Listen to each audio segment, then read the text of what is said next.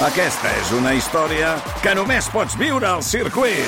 24, 25 i 26 de maig. Gran premi Monster Energy de MotoGP al circuit de Barcelona, Catalunya. Compra ja les teves entrades a circuit.cat. Viu-ho! Agafa el tren amb Renfe i visita l'estació del Chelsea Hotel per gaudir de la història d'una nova cançó a RAC més 1. Amb Olga Suanya, el podcast on les cançons lliguen amb la història.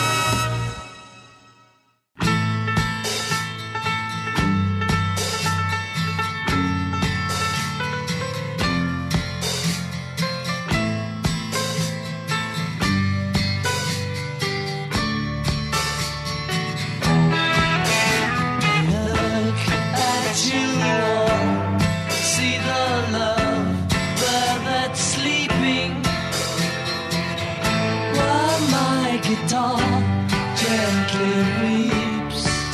De les més de 200 cançons que van gravar els Beatles, només 22 són obra de George Harrison.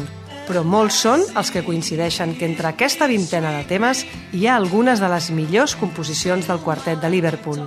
En aquest episodi del Chelsea Hotel ens endinsarem en la història d'una d'elles, While My Guitar Gently Weeps. I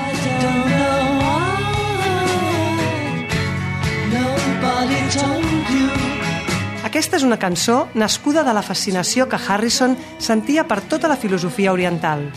Va entrar-hi en contacte el 1965 durant la gira americana amb David Crosby.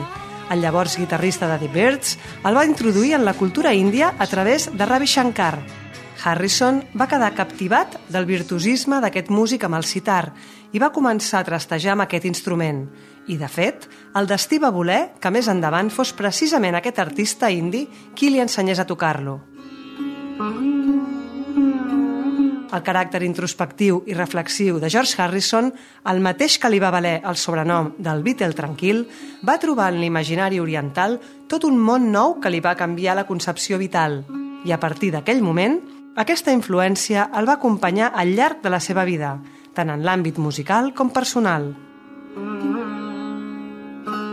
La cultura i la religió hindú van ser els elements en què més va aprofundir, però també es va endinsar en les ensenyances d'altres cultures d'Orient, com la xinesa, i és precisament a l'obra d'un dels seus màxims exponents a qui devem While My Guitar Gently Weeps.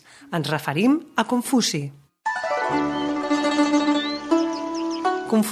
és un dels grans pensadors xinesos.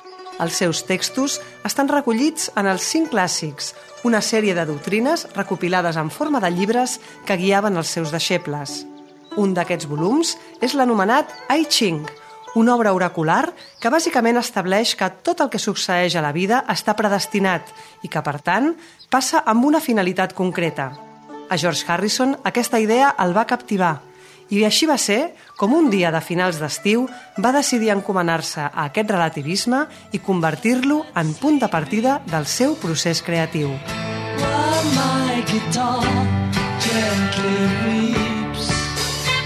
Va ser una tarda de setembre de 1968, estant a casa de la seva mare a Warrington. Convençut que, tal com apunta aquesta visió, les coincidències no existeixen, sinó que tot està relacionat amb el moment en què es produeix, Harrison va proposar-se compondre una cançó sobre el primer que veiés en obrir un llibre. Es va acostar a la prestatgeria, va triar un títol a l'atzar i tan bon punt es va fixar en una pàgina qualsevol, el primer que va llegir va ser Gently Weeps. I a partir d'aquestes dues paraules, plora suaument, va escriure la lletra i la música de While My Guitar Gently Weeps.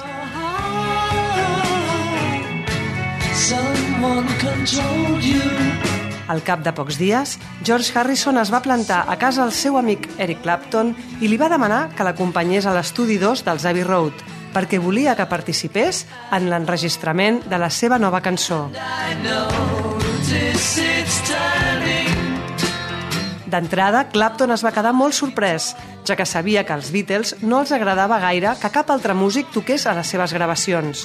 Però Harrison va insistir que aquella era una composició seva i que volia que ell hi toqués. Sorprenentment, la resta de la banda no s'hi va oposar, així que Clapton va afinar la Gibson Les Paul, que Harrison anomenava afectuosament Lucy i que li havia regalat feia un mes, i va fer un solo sobre una pista que John Lennon havia gravat justament el dia anterior.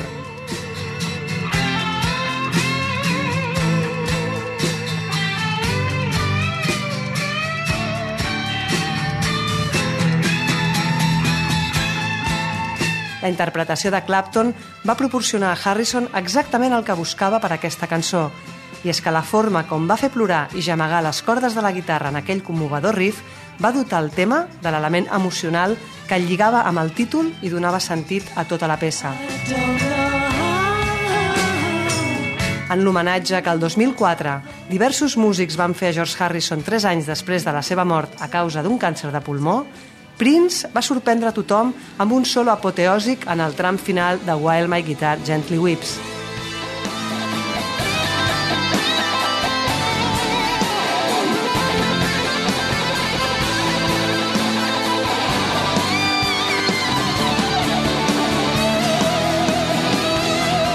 Amb aquesta interpretació i sota l'atenta mirada de Danny Harrison, fill del Beatle, i que els va acompanyar tocant aquest tema, el músic de Minneapolis va emocionar tothom frasejant sobre la melodia que el Beatle havia compost mentre la seva guitarra plorava suaument.